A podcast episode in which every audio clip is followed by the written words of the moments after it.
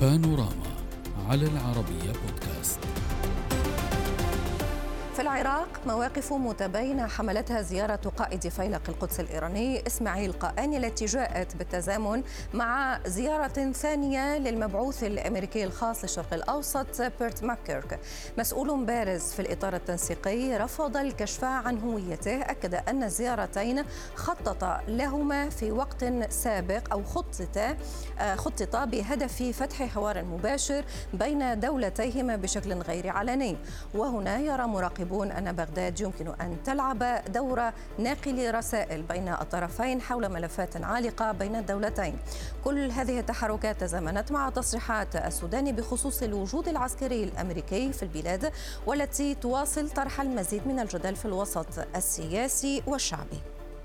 نناقش هذا الموضوع مع ضيوفنا من بغداد الدكتور عدنان سراج رئيس المركز العراقي للتنمية الإعلامية. أهلا بك. ومن واشنطن ديفيد بولوك المستشار السابق في وزارة الخارجية الأمريكية وكبير الباحثين في معهد واشنطن لسياسة الشرق الأدنى.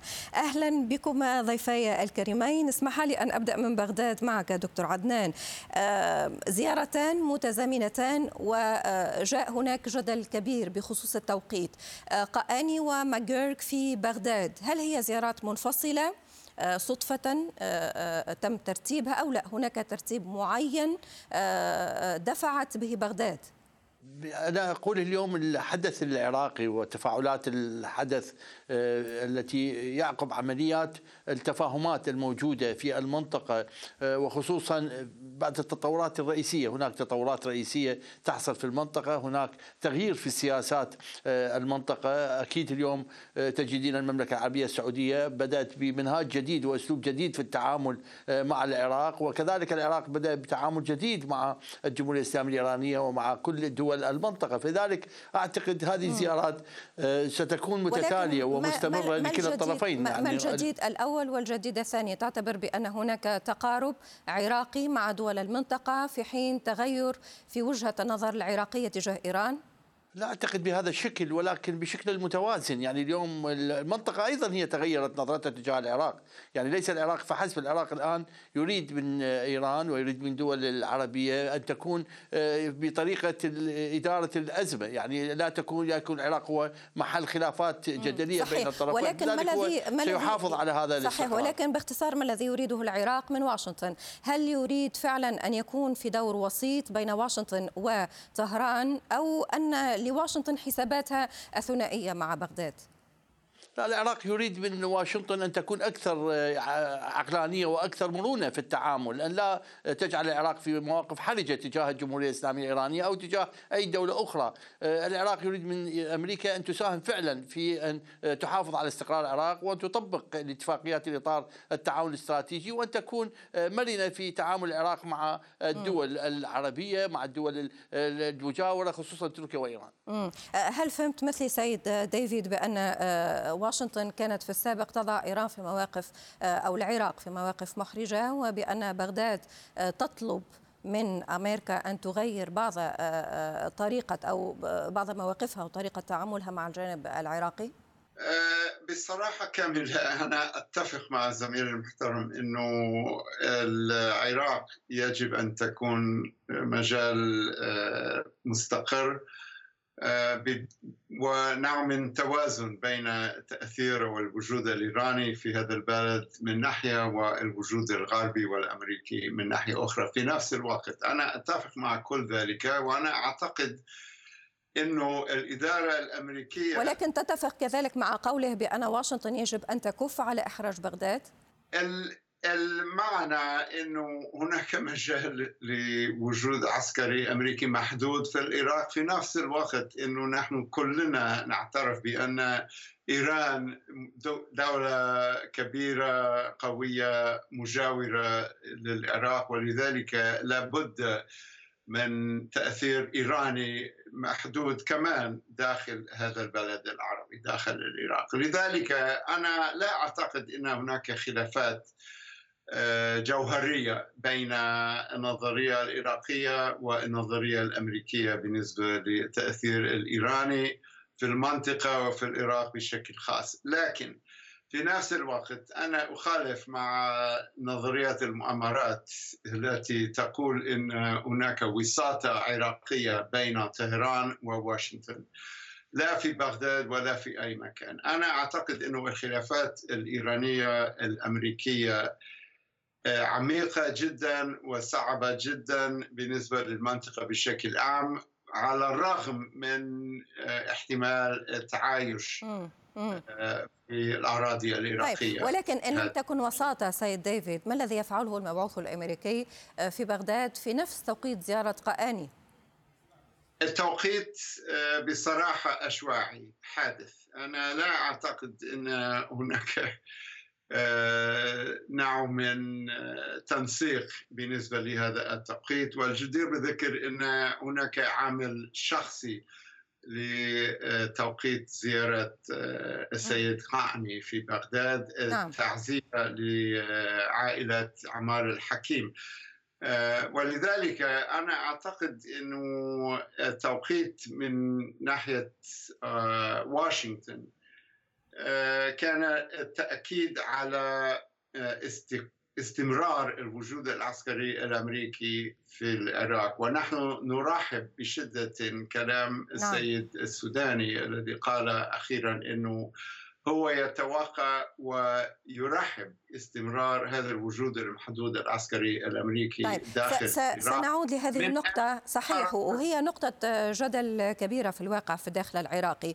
آه، دكتور عدنان آه، آه، طرح ضيفي يضعف أو حتى يلغي فرضية الوساطة العراقية بين طهران وواشنطن. هو يقول بأنه الشرق عميق وبغداد لن تقدر على شيء. فتبقى لنا فرضية وحيدة وهي فرضية الحسابات الثنائية بين واشنطن وبغداد والعنوان الأبرز هذه المرحلة هو القوات الأمريكية القوات الأجنبية في العموم والقوات الأمريكية في الداخل العراقي هل هذا هو الملف الأبرز لهذه الزيارة؟ يعني أنا أعتقد زيارة الوفد الأمريكي بعنوانها العام هو أمن الطاقة، يعني الوفد جاء يتطرق إلى هذه القضية، قضية الأمن الطاقة الذي هو الآن شغل شاغل بالنسبة لأمريكا والعالم الغربي خصوصا في قضية الحرب الأوكرانية الروسية، هذه قضية تشغل بال الإدارة الأمريكية خصوصا إذا استمرت الحرب طويلا، فلذلك كانت النقاشات حسب مصادر العراقية تدور حول هذه المسألة والدور العراقي في هذا الموضوع حسب هذه التسريبات آه، آه، دكتور دكتور عدنان حسب هذه التسريبات ما الذي تريده واشنطن من العراق بخصوص أزمة الطاقة؟ أمن الطاقة يشمل العديد من الحفاظ على تدفق النفط والغاز وأيضا التعاون للمنطقة في مسألة تأمين الأمن في الخليج والمضايق الأخرى وإضافة لذلك توفير الإمكانيات الكاملة للشركات بأن تعمل بشكل يعني آمن من خلال الاتفاقيات اللي تم العقد بينها بين الدول الأخرى أيضا وتخفيف التوترات في المنطقة خصوصا في منطقة الخليج العربي وفي مناطق أخرى. أنا أتصور هذا الموضوع موضوع موضوع مهم أيضا يجب صحيح هو موضوع مهم ولكن لضيق الوقت سأنقل هذه النقطة لو سمحت لي للسيد ديفيد. سيد ديفيد هل يمكن أن نشهد معادلة الطاقة مقابل إعادة أو بقاء القوات الأمريكية في الداخل العراقي آه، في استجابة لتصريحات السيد السوداني؟ آه، أنا أتمنى ذلك لكن الحقائق في الميدان للأسف آه، صعبة. بالنسبة للاستثمارات الأمريكية والشركات العظمى الأمريكية في آه، مجال النفط أو في مجالات أخرى المعنى أنه للأسف المشهد الداخلي العراقي بالنسبة للفساد بالنسبة للأمن بالنسبة للتغيرات السياسية غير المتوقعة. وعدم الاستقرار في البلد. كل هذه العوامل تعرقل آه، التعاون الاقتصادي بين أمريكا والعراق وأنا شخصيا أنا أعتقد أنا أشعر إنه هذا مشهد حزين وأنا أتمنى تغيرات في هذا المشهد في المستقبل. تعطل تعطل التقارب أو التعاون الاقتصادي ما رأيك دكتور عدنان؟ يعني ما تحدثت به ضيف يقول بأنه عمليات أو آه، ملفات الفساد ستعطل هكذا تعاون بين الجهتين. نعم، بالتأكيد الفساد مؤثر بشكل عام على الواقع المعيشي وعلى الواقع الاقتصادي وعلى واقع الاستثمار. العراق يسعى جاهدا إلى أن يفتح الأبواب ويشجع المستثمرين للعمل في داخل العراق وخصوصا الولايات المتحدة الأمريكية لدينا اتفاقات ولدينا آه، يعني آه، تعاون كبير في هذا المجال لكن واقع الحال يقول أكثر من ذلك اليوم العراق يتوجه م. إلى أوروبا فعلى أمريكا لا تتحسس من تعاوننا مع فرنسا مع ألمانيا مع بريطانيا مع نعم. إيطاليا نعم. خصوصا هؤلاء قد بدأوا بزيارات طيب. وفتح علاقات مع العراق طيب بقت لي دقيقة لو سمحت لي دكتور عدنان وضحت هذه الفكرة بالنسبة لامن الطاقه بالنسبة للقوات الأجنبية ماذا لو اتفق على بقاء القوات الأجنبية في الداخل العراقي؟ بالتأكيد الواقع بقاء القوات القتالية في العراق هذا متفق عليه بين الطرفين بين الولايات المتحدة الأمريكية وبين العراق. في زمن العبادي في زمن الكاظمي تم الاتفاق وتم تثبيت هذا الأمر على أن تتحول لا ولكن فيما بعد كان هناك قرار للبرلمان ولكن أي ولكن دكتور عدنان استشارة شيء آخر. أتحدث عن القوات العسكرية الأمريكية. كان هناك قرار للبرلمان آه، يؤكد الزاميه خروجهم. صحيح. مم.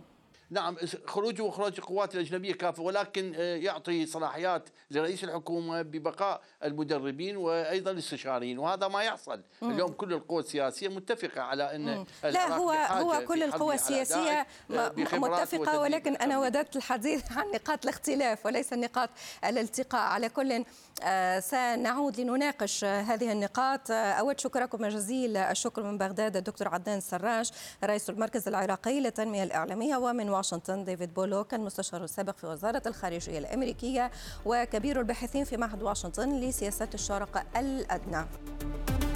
بانوراما على العربية بودكاست.